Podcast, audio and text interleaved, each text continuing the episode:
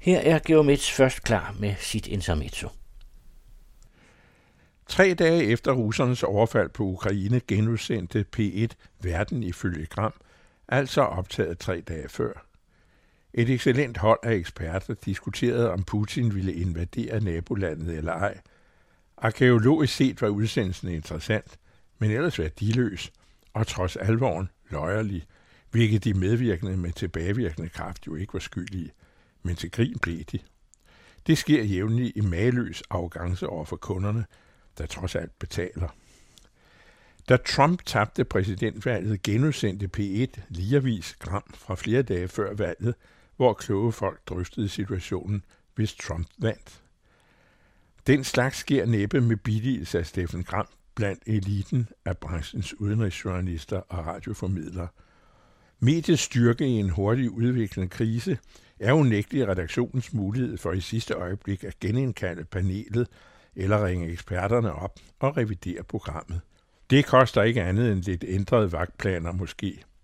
Eksperterne kan spises af med en basse og et papbær sur kontorkaffe. Måske det er generaldirektøren, hvis forbilledet ifølge hende selv er Pippi Langstrømpe, burde afsætte et minut af sin velbetalte tid til i stedet for at løfte en hest at tilspørge P1's ansvarlige, hvad fanden de forestiller sig. Midt i en verdensbegivenhed, der i yderste fald ender med verdens undergang, kan man da ikke tillade sig at genudsende en brugt debat. Så frem generaldirektøren mener modsat, bør hun tage konsekvensen og beordre DR nyhederne til at genudsende alle udsendelser fra ugen før. DR's ledelse er som bekendt fortrolig med genudsendelser. I stedet for gamle nyheder kan DR også genudsende huset på Christianshavn, som de genudsender som genudsendelser af utallige genudsendelser, så farverne næsten er slidt af. Ugen har været slem, ubeskriveligt meget værre for de arme ukrainere.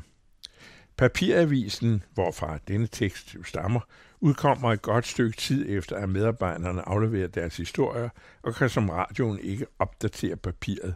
Som overskrift derfor det nyttige forbeholdende udsagn i skrivende stund, som her bliver i talende stund. I skrivende, talende stund går det af helvede til. Krigen, i omfattende europæisk eller verdensomspændende forstand, er ikke længere Hitler-porno i tv's uendelige serie om 2. verdenskrig, men håndgribelige genkommende risici for det helt store finale sammenbrud. Politikere og andre meningsdannere taler om deltagelse og optrapning og indirekte anbefalinger, våbenfører at drage mod Kiev. Dag for dag lyder det mere og mere som før 1. verdenskrig, da utallige i Europas hovedsteder fylkedes under fanerne i stålsat vilje til krig og forsikringer om, at de kom hjem før jul. Overfor en labil diktator med et jerngreb om sit land og en inderkreds formentlig skræmt halvt til døde, bør man, som det er hørt, måske ikke som det mest nærliggende påpege ligheden med München i 1938. En detalje til forskel er den utilnærmelige diktator Putins skrupelløse råderum over atomvåben i højeste beredskab. Vestlige politikere må forsøge at tale hen over hovedet på Putin direkte til baglandet, om en sådan overhovedet kan råbes op, og for fuld kraft appellere til de modige modstandere af krigen for enden af præsidentens absurde mødebord. Enten må flere oligarker end allerede ofre sig og forsøge at hente den oppustede mand ned fra løgkublerne over Kreml, eller putte noget festligt i hans samovar. Putin er problemet, Putin er løsningen. At betragte Rusland som sådan som entydigt billede på fjenden er ikke rimeligt. Sært at sige, om alle klædelige forbehold, men den nu afhoppede DF'er Marie Krarup er ikke helt rundt på gulvet i sit syn på Rusland, som hun per faglig nærkontakt kender. At Krarup forholder sig indforstået med Putin, det må hun selv lægge overhovedet med. Men hun fortjener anerkendelse for at fremhæve, hvad og hvor meget vi har til fælles med russerne, og at vi en forhåbentlig fremtid efter Putins fald kan og bør fremme dette fællesskab og skabe en større europæisk forening.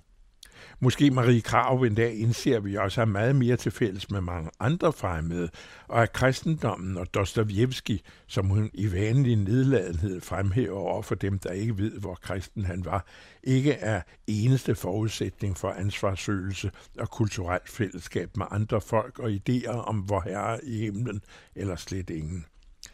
Meget kan krisen og krigen påvirke de før upåvirkelige. Marie Krarup har om sider takket være den nye formand indset, at hendes parti ikke er til pænt brug, ikke er stuerent. En fin begyndelse til udviklingen af det kultursyn, minoriteten Krarup anlægger på russerne, og som kan udvides til den øvrige menneskehed, heriblandt verdens utallige sagesløse muslimer. O, hvilken fred!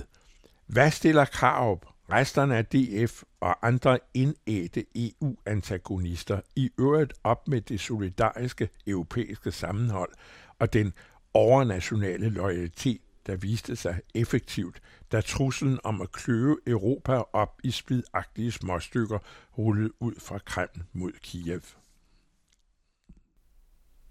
Intermezzo kan høres her på den anden radio hver uge og læses hver fredag i Information.